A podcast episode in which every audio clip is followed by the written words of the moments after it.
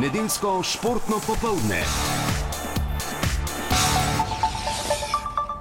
Domen Prevc je torej naslednji v smočini in prevoščimo mu še en izjemen eh, skok na tej skakalnici. Dobro je v prvem delu let, daleč gre Domen Prevc, še dlje kot vsi ostali in to bo novo vodstvo za slovensko reprezentanco za Domna Prevca, ki bo To sem skoraj prepričan po tem skoku, zelo blizu vrstitve na zmagovalni odr 141 metrov. Na koncu je bila črta postavljena više, prednost je imel iz prve serije v primerjavi s Tandejem. Nekaj je bilo, morda zaradi tega ta črta toliko više, da je izgledalo, da je letel tako daleč kot Norvežan, na koncu pa bodo odločale malenkosti v tem dvoboju, v dvoboju Daniela Andreja Tandeja in Domna Oprevca. Oba imata po eno zmago v svetovnem pokalu, ali Doman ali Daniela Andrej Tande. Doman Prevc je vodilni, lepe ocene za slog, ko je tvegal tudi Telemark, ko se mu ni posrečil v prvi seriji in Doman Prevc bo zdaj pričakal še tri skoke v tej finalni seriji. Skoke je najprej Avstrica Štefana Krafta, potem Poljaka Kamila Stoha in na koncu še Mačeja Kota.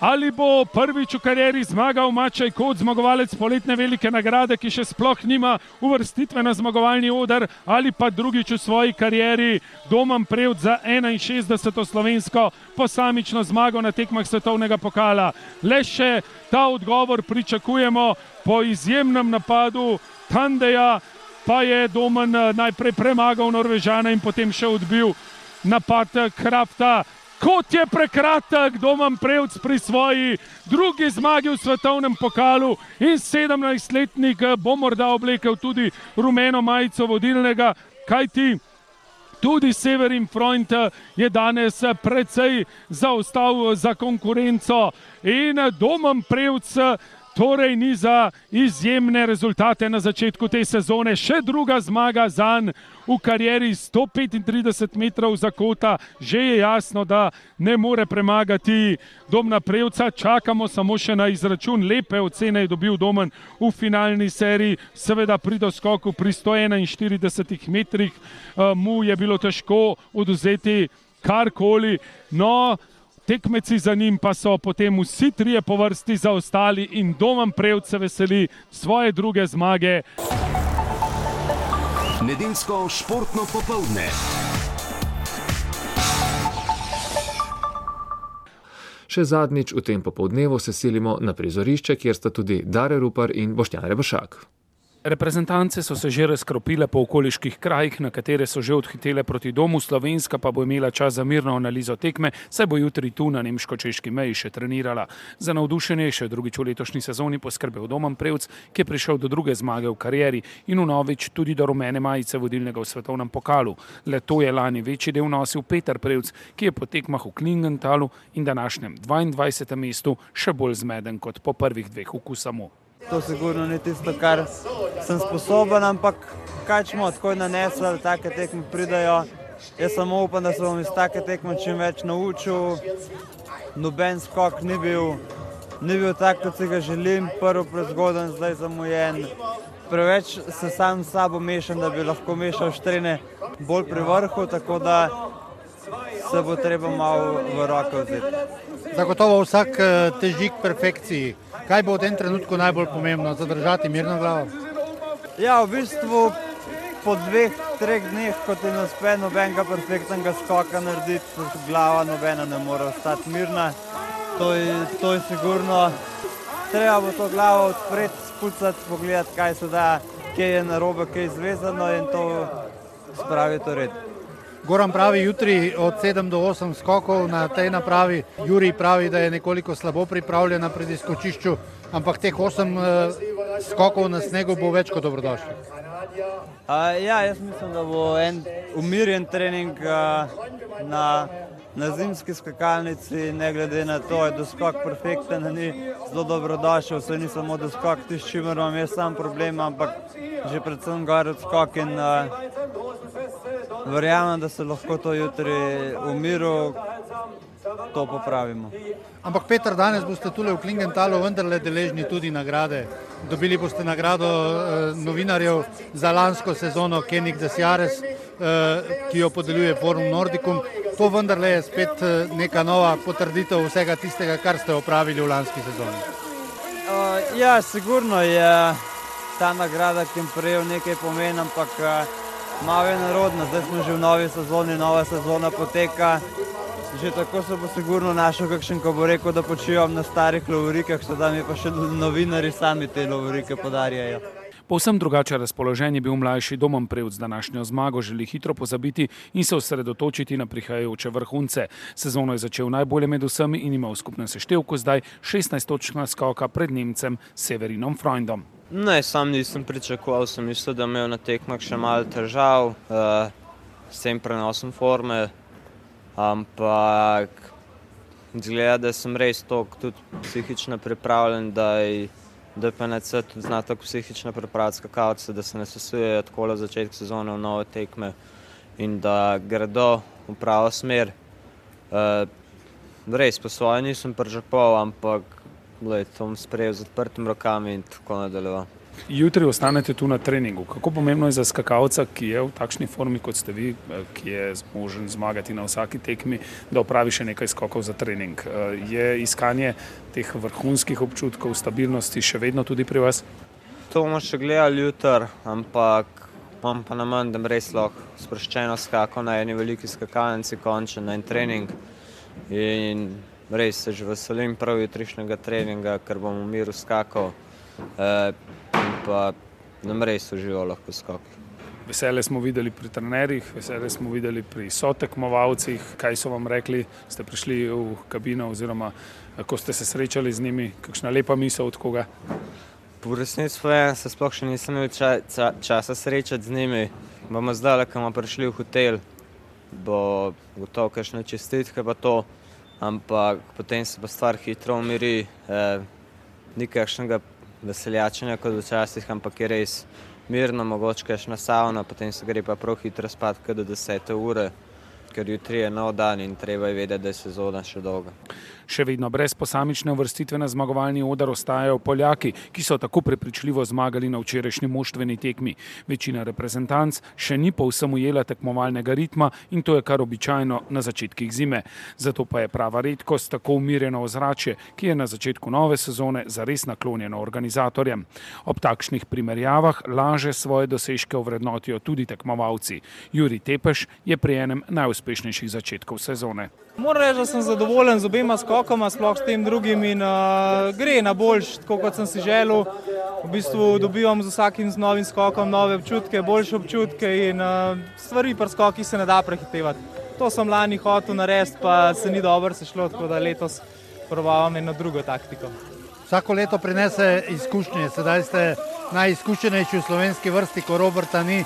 To je tudi nekaj, kar se nalaga in je dobrodošlo. Ja, seveda. Uh, vsako leto, ko si starejši, dobiš tiste dobrodošle izkušnje, ki tudi takrat, ko ne gre čist dobro, se lahko pač zaneseš na tiste občutke, ki si jih enkrat že imel.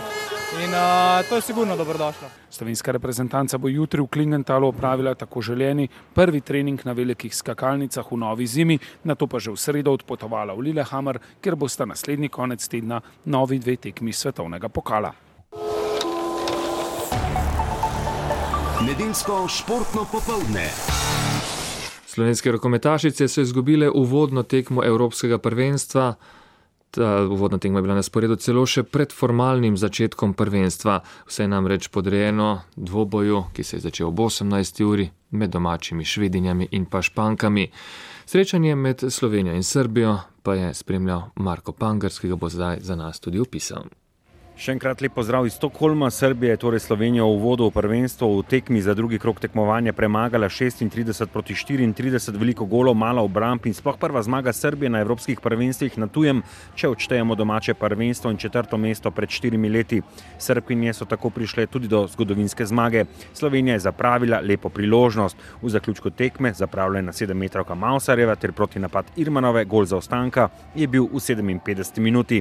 Sledijo kar po vrsti druga za drugo drugo, Ana Gros in Tamara Mauser z devetimi oziroma osmimi goli najboljši strelki in ob koncu še Nina Jeriček. Ampak ja, jaz mislim, da, da na tej tekmi je bila ključna pač naša obramba, res ni bila na nivoju, Pre, dobivali smo prelahke gole. Uh, sicer v napadu nam je nekako šlo, vseeno smo dali 34 golov, uh, kar dokazuje, da smo uspešni, ampak se, če obrambe ne sestaviš, potem tudi uh, ne more zmagati take tekme. Tudi na koncu sta odločena na dve žogi in pač tako je to v rokometu. Nažalost, leto, to tekmo ni šlo po naših pričakovanjih. Gremo na naslednjo. Ja, dejstvo je, da smo praktično skoraj vse stavili na to prvo tekmo. Videli smo, kaj ta tekma prinaša. Konec koncev ne smemo obupati, pred nami so še dve tekmi, ni še konec, ampak dejstvo je, da prejeti 36 golov po, pove vse. Bramba je bila daleč od tistega, kar smo si želeli, kar smo prikazovali na prejšnjih tekmah v kvalifikacijah proti Hrvaški in Črni Gori. Uh, zato je potrebno narediti analizo in predvsem za naslednjo tekmo popraviti te stvari v Brambi, uh, da se bomo lahko nadejali mogoče boljšega rezultata. Jaz moram reči, da mi smo razočarani nad tem porazom, nismo pričakovali, res smo upali, da bomo zmagali Srbijo, ampak z današnjo predstavo je bilo to zelo težko. Namreč zelo slab smo igrali v Brambi, lahko rečem, nismo se uspeli sestaviti, ker so goli pokali z vseh strani. Um, sploh zmenili smo se, da bomo zaprli sredino, um, ampak je pokal tako po sredini kot iskril. Um, Tako da žal, ko dobiš 36 golov, je zelo težko, da tekmo zmagaš. Miša Marinčak, šest obramb, Stefanišin ena, na drugi strani devet, Jovane Risovič. Kao što sam rekla, jako napeta utakmica i, i od strane jednog i drugog tima. Istrajali smo u tome. Napeta tekma je bila odprta z obeh strani, na koncu smo imeli mirnejše živce in mislim, da je to odločilo. Večerni derbi pripada gostiteljicam in špankam, jutri je dan odmora, v torek zvečer pa se bodo varovanke Uroša Bregarja pomerile švedsko. Nedeljsko športno popoldne. V torek se bo v kanadskem Windsorju začelo šestdnevno svetovno plavalno prvenstvo v kratkih bazenih. Čeprav slovenska odprava ne bo tako številčna kot v preteklosti, lahko upamo na vrhunske rezultate. Več pa v prispevku Uršule Majcen. Slovenske barve v Severni Ameriki bo branila četverica plavalcev Velenčanka Nastja Govejšek, Ravenčana Gaja Natlačen in Martin Bau ter najmočnejši adut slovenske odprave Triglavan Peter John Stevens, ki je na letošnjem Evropskem prvenstvu v Londonu v disciplini 50 metrov prsno osvojil srebrno medaljo. Novinarsko konferenco je kot študent Univerze Tennessee spremljal prekluže. Začel sem sezono že avgusta, ko sem prišel nazaj v bistvu za šolo, zdaj sem treniral na polno do zadnjih dveh tednov, zelo počasi že spuščam, tako da postajam zelo hiter. Rač pa zelo imam kar težko spitno obdobje, ampak vse gre po, po planu. Trenutno zelo na ameriškem nivoju v Dolmitih, pa ki tekmujem za šolo, kar kažejo, se kažejo dobri rezultati. Mislim, zelo delam osebne rekorde v sezoni, tako da je kar urejeno. In kakšna so njegova pričakovanja? Na to tekmo grem tekmovati s ciljem, da bi prišel do finala na 50 prsno, se dokazal na 100 prsnem in skrita želja v bistvu medalja. To je v bistvu vse, kratka ni drnato. Preostala trojica, ki jih bo na prizorišču spremljal ravenski trener Gorast Podržavnik, cilja na osebne rekorde, tudi novopečeni ravenčan, dolgoprogaš Martin Bau. Zaenkrat se vredo počutim, na treningu se dogaja to, kar sem si želel. Zdaj samo upam, da, da bo ta zadnji, zadnji, ti zadnji tedni, da so bili uh, uspešni in da bom dobro nastopil na svetovnem prvenstvu. Verjetno je paradna disciplina tista najdaljša. Mislim, da tokrat tega ne morem reči. Zna se zgoditi, da bo mogoče celo 200 najboljša. Ne vem, z Gorazom se zdaj spoznavamo, novo okolje je niti ne morem primerjati sezone z prejšnjo sezono, zaradi tega, ker nismo šli niti na višinske priprave pred svetovnim prvenstvom, tako kot smo šli zadnja tri leta pred tem decembrskim um, vrhuncem. Um, tako da težko karkoli napovem, lahko da bo 200, lahko da bo 400, lahko da bo 1500, upam pa, da bom na vseh dobro nastopil. No. Sezona s tem prvenstvom zagotovo še ne bo končana. Kakšen je vaš pogled v leto 2017? Ja, sigurno je to samo začetek te sezone oziroma celotnega olimpijskega ciklusa štiriletnega. Tako da v bistvu gremo sproščeno v to sezono, vrhunec bo pa sigurno konc julija na svetovnem prvenstvu v dolgih bazenih v Budimpešti. Tam si želim biti v najboljši formi v sezoni in zato tudi delamo. A z decembrom se izteka funkcija selektorju Mihi Potočniku. S kakšnimi željami in cilji bo spremljal svoje zadnje svetovno prvenstvo v štiriletnem mandatu? Najvišja pričakovanja imamo na strani Petra Johna Stevensa v disciplini 50 metrov prsno, kjer se pričakuje finale. Od ostalih treh plavalcev pa je želja uvrstitev v polfinale oziroma do končnega 16. mesta. V preteklosti je bila navada, da so reprezentanti upravili tudi kakšne skupne višinske priprave, kako je bilo tokrat. Priprave so bile sicer planirane v mesecu oktobru in novembru, vendar zaradi nezadostnih finančnih sredstev na plavalni zvezi je po olimpijskih igrah praktično reprezentančni program obstal. Vsi športniki so se pripravljali v klubskih sredinah, razen Petra, ki študira v Združenih državah. Tako da glede na zadnje tekme, ki so bile um, tudi pregledne v Sloveniji in pa na Hrvaškem, lahko rečem, da so reprezentanti dobro pripravljeni in upam, da jim na svetovnem prvenstvu v Kanadi uspejo njihovi najboljši rezultati. Kar zadeva zgodovino slovenskega plavanja na tovrstnih prvenstvih, pa je najboljše rezultate dosegel Peter Mankoč, kar trikrat se je veselil naslova svetovnega prvaka, ob tem pa osvojil še tri srebrne medalje in eno bronasto. Z dvema srebrnima medaljama se je pred štirimi leti okitil tudi Damir Dugonič, s četrtim in petim mestom najboljši slovenski plavalec zadnjega prvenstva v Dohi. V slovenski zakladnici odličij pa je po eno srebrno in bronasto medaljo prispevala še Alenka Kejžar, Blaž Medvešek pa bronasto. Prvenstvo v Windsorju se bo začelo v torek, poleg rezultatov pa bomo pozorni tudi na šesturno časovno razliko. Nedeljsko športno popoldne. Olimpijski komitej Slovenije je v petek v Ljubljani na tradicionalni novinarski konferenci gostil predstavnike slovenskih narodnostnih manjšin v Avstriji, Italiji in na Mačarskem. Več o tem Tomaš Langerholz. Predstavniki slovenskih narodnostnih manjšin so predstavili uspehe in težave, s katerimi se soočajo. Vsi so istega mnenja, da slovenski mediji namenijo premalo pozornosti zamejskemu športu. O tem je na konferenci spregovorila tudi predsednica Komisije za zamejski šport pri Olimpijskem komiteju Slovenije Sonja Polšak. Mi že dosti časa uh, predlagamo, da bi se vzpostavila neka internetna stran ali kakorkoli, uh, ki bi se imenovala Novice iz mesta, športne novice. In to, to dela zdaj Olimpijski komite, ki se bi potem direktno povezovali te dogodke. In to je naša zdaj poglavitna naloga, da bi se to izboljšalo. Športno in tudi drugače so zelo uspešni in podjetni Slovenci v Avstriji. O tem predsednik Slovenske športne zveze v Avstriji Marjan Velik. Seveda smo zelo veseli, čeprav naloga naše krovne organizacije zagotovo ni vrhunski šport. Naš, naša prioriteta je mladina, je delo z mladino in pa seveda je tudi krepitev samozavesti in pa tudi krepitev slovenskega jezika. To je eno, ampak vsi, predvsem mladi, rabijo svoje vzornike in te Na srečo imamo tako pri moštvenih eh, športih, kot pa tudi pri posameznikih, recimo če omenim, pri posameznikih, če omenim recimo bija eh, tletinjo Dunjo Zdovc, ki je eh, imela prvo celo sezono in to zelo uspešno. Kot rečeno, eh, zelo pestra je ta naša dejavnost, tudi število učlanjenih klubov je naraslo, trenutno je učlanjenih že 34 slovenskih in dvojičnih klubov v to našo krovno organizacijo in uh, mislim, da smo na pravi poti. Tudi na zahodu Slovenije, v Italiji, so naši zamejci uspešni na vseh področjih.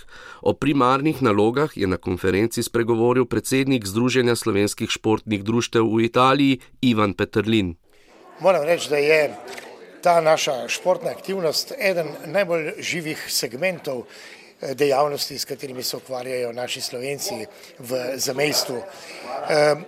Vendar moramo interpretirati to delovanje na športnem področju le nekoliko drugače v primerjavi s tem, kar je šport v Sloveniji. Namreč je že res, da tudi mi tekamo za rezultati, se drugače se ne da, ampak eh, prvenstvena naloga našega športa je predvsem ta, da utrjujemo slovenski jezik. Mi smo danes pod zelo močnim asimilacijskim pritiskom in kajpak seveda tudi utrjujemo narodnostno zavest. S tem, da se ti otroci, naši otroci uveljavljajo na športnem področju, pridobivajo na samozavesti.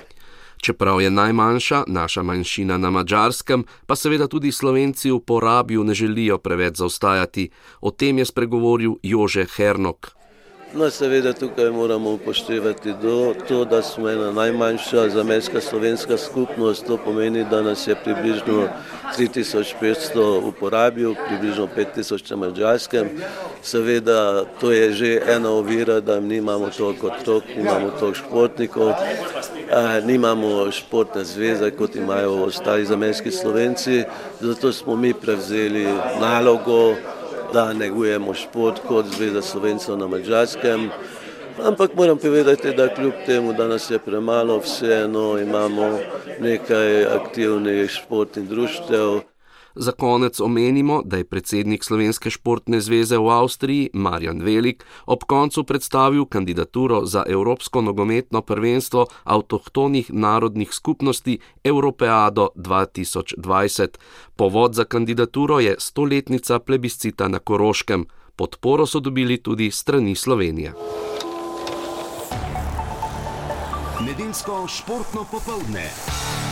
V šahovskem dvoboju za svetovnega prvaka je bil prvi Karlsen, zadnji pa Karjakin. V noči iz srede na četrtek se je v New Yorku končal njun dvoboj. In uh, tako je po prvih 12 klasičnih partijah bilo izenačeno 6 proti 6, zato sta šahista odigrala še 4 dodatne pospešene partije, v katerih je 3 proti 1 zmago slavil Karlsen. O dvoboju so se v šahovskem podkastu pogovarjali tudi Matej Hrastar, velemojstrica Darja Kapš in novinarski kolega Ivo Bajec. Ponujemo vam ga v skrajšani obliki. Darja Kapš je za začetek povedala, da je zmago sicer privoščila Rusu, Karlsenova ubranitev naslova pa nikakor ni bila presenečena presenečenje. Za me v bistvu ni bilo nobeno presenečenje to, da je Magnus na koncu obranil naslov. Uh, je pa res, da sem med samim dvobojem začela verjeti in mogoče celo malce upati, da bi uh, Sergej lahko slavil. Kaj ti res se je fenomenalno držal, njegove obrambe so bile v bistvu za zgled uh, potem še mnogim, mogoče v nekem segmentu naslednik Karpova. Um, ampak na koncu, vendarle, eh, ko so se začeli podaljški, sem vedela, da je to voda na mlin um, Karlsenu in tako se je tudi zgodilo. Ivo, kako ste pa vi eh, dojemali ta dvoboj? V začetku je bil za mene velik favorit Karlsen, kajti to je bil njegov tretji dvoboj za naslov svetovnega prvaka, medtem ko za Karjakina prvi. Poleg tega je bil Karjakin doslej edini po letih njemu enako vreden. On je igral dvakrat z Anandom, ki je bil kar 22 let starejši in to je velik handicap za starejšega. No, ampak tako kot je opazila že Darja, med dvobojem smo videli izjemne obrambe Karjakina in tedaj mi je to dalo misliti, da se lahko dvoboj tudi razplete drugače. Ker je začel Karlsen izgubljati živce, ker nekako ni mogel svoje aktivne igre spremeniti v zmago. In tako se je pač moral dvoboj odločiti v podaljšani igri, in tam je imel Karlsen veliko prednost, ker je že prej bil znan kot najboljši igralec hitropoteznega šaha in je tokrat samo potrdil svoje veliko znanje, medtem ko se je uh, Karjakin vendarle nekoliko lovil v tem delu dvoboja. Rekl bi, da je igral zadnje partije pod svojo običajno formo. Eh, Darja, še vas vprašam, okoli druge in tretje partije teh podaljškov, eh, kako ste vi to videli? Karlsen je imel resnično to prednost, bom rekla, tudi domačega terena, kajti zahodni svet, New York, tam je bilo več teh podpornikov uh, Karlsena, na drugi strani pa, kot je rekel že gospod Bajca, ne, to je zdaj bil njegov tretji uh, dvoboj, uh, da on se je že znašel v podobnih situacijah, ne, tako da je bila tu res uh, ogromna prednost, ki se je potem v podaljški samo še stopnjevala. Ne, in je bilo vprašanje časa, kdaj bo ta matni udarec uh, prišel. Ne.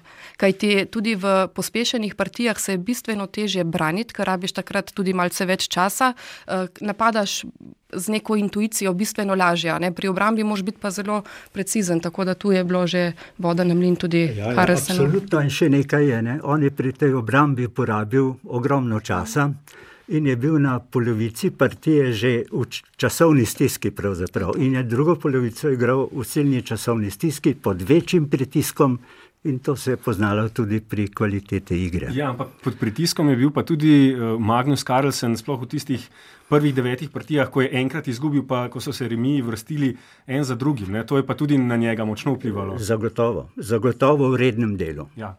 Ga je pa na drugi strani tudi prisililo, ne, da je končno. Uh, začel še z večjimi močmi pritisniti. Takrat, je, takrat je dvoboj oživel. Takrat smo vsi vedeli, da ne bo več preračunavan, taktiziran, ne, ampak da bo Magnus bil uh, v bistvu prisiljen uh, pač z vsemi uh, orožji napast Karjakina. Ne. No in do zmage je prišel tudi na svoj rojstni dan, kar tudi ni nepomembno. 26 let je star, zdaj sta s Karjakinom enako stara. Ja, verjetno si je poklonil najlepše darilo za rojstni dan. Ne. In najlepše je, ko lahko v bistvu kreiraš sam svojo usodo, tako da sem vesela, v bistvu mi je všeč, kako je rekel, da je ponovno našel voljo, uh, do, da, da, da uživa v igri. Kaj ti na takšnem nivoju, ko si svetovni prvak, ko niti nimaš več nekih izzivov, da si ga je znal najti v teh zadnjih, uh, uh, v zadnjem delu meča um, in da je po vseh teh remijih, kaj ti Karjakin je resnično deloval neprebojen, našel pač šipko točko, to znal izkoristiti in povsem zasluženo je šampion.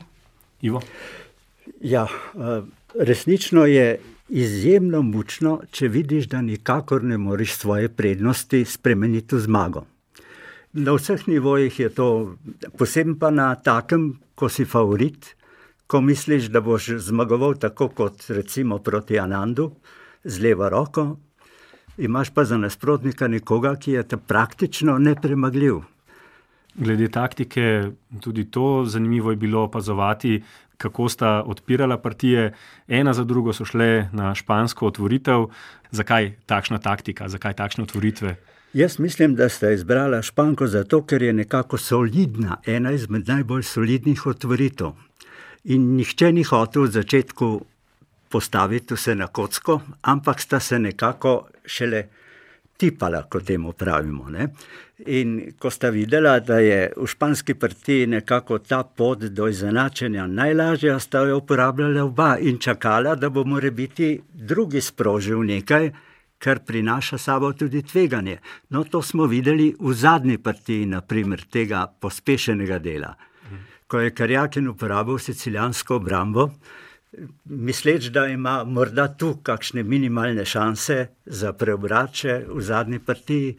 No, ampak doživel je krepak poraz in prekrasen zaključek. To je treba tudi povedati, Karlsena, ki je prav s problemsko potezo naslikal matno mrežo in matno sliko, tako da je bil konec res primeren za nagrado za rojstni dan. Mhm. Je pa veliko enih študioznih uh, ur za, za vsem tem, kajti mi mogoče gledamo kot če isti neko uravnoteženo igro kot pri uh, tenisu, ne, ko se žogica gre, uh, se odbija iz ene strani na drugo, ampak tukaj so veščine. Skratka, če bi eden naredil manjšo napakico, bi ga drugi v trenutku lahko kaznoval. Skratka, veliko je nekih analiz domačih s pomočjo štabov, ki sta jih oba dva imela. Ne. Tako da mi smo gledali vse čas neko izenačeno igro, ampak da do tega pride, je pa veliko enega kvalitetnega znanja na najvišjem vrhunskem nivoju. Ivo, eh, seveda je imel Sergej Karjakin podporo celotne ruske države, verjetno tudi zelo veliko stvari so hoteli strpati v njegovo glavo, pa to ne gre vedno. Ne? Ne, ne. Glava ima tudi gotove kapacitete, ki so kdaj pa kdaj napolnjene. In posebej v brzo potednem šahu je težko izkopati vse tiste naučeno in tiste pozicije, ki jih predeluješ v pripravi v konkretni partiji. Kajti tam je še en velik faktor čas. In čas je kruta stvar. Ko ti zmanjkuje časa, glava ne dela pri še tako temeljiti pripravi več enako kot prej. To se pojavljajo izredno težke, težki trenutki za dotičnega in si v nekakšni omotici ponavadi igraš s pol moči takrat, mhm. tiste dejanske svoje moči. Namreč eh, Karjakin je tipični igralec nekih vzorcev, ustaljenih vzorcev, naučenih vzorcev. Videlo se je, da vse pozicije je jemal skozi to perspektivo. Medtem ko Karlsen je igralec navdiha, ne? on obvlada vse mogoče pozicije, tudi njegov stil igre je malo nenavaden včasih. Že V tem dvoboju sicer ni tega uporabljal, ampak sicer je pa vedno uporabljal nenavadne začetke, že hotel je že v tej fazi igre speljati nasprotnika na nova pota, kjer ne bi mogel uporabljati vsega naučenega. No, in to se je pri tem dvoboju sicer Karjakin spretno izmikal s to ponovitvijo španske obrambe, ampak eh, vendarle v časovnih stiskah, ko te stvari ne pridejo tako do izraza. To se mi zdi zelo, zelo zanimiva analiza, ne, ker jaz se tudi zelo strinjam, da je Karjakin je, mogoče bi lahko rekli, tipični predstavnik neke ruske šahovske šole v smislu, da je sistemski. On je od prvega dne, eh, ko se je verjetno um, začel učiti šaha, je to bilo po nekih, uh, po nekih by the book, bi rekli, po nekih pravilih, ne, kako postaneš vrhunski. Karel se na drugi strani je pa nek, bomo rekli, ekspert eksperimentalist ali pa svobodnjaški duh. Tako da tudi. To je krasna ocena, ne? da, da se je tudi to poznalo in sta se taka no, sloga. Jaz si mi dala še eno misel. Ne? Recimo, Karjakem prihaja za ne organizirane, super organizirane šahovske države s ogromno tradicijo. Ne? Pri Norvežanih je Karlsen edinstven in edini. Ne? To je bil izvleček našega podcasta. Če želite pogovor slišati v celoti, si ga lahko naložite na spletni strani Vala 202 ali na straneh multimedijskega centra RTV Slovenija. Nedeljsko športno popoldne.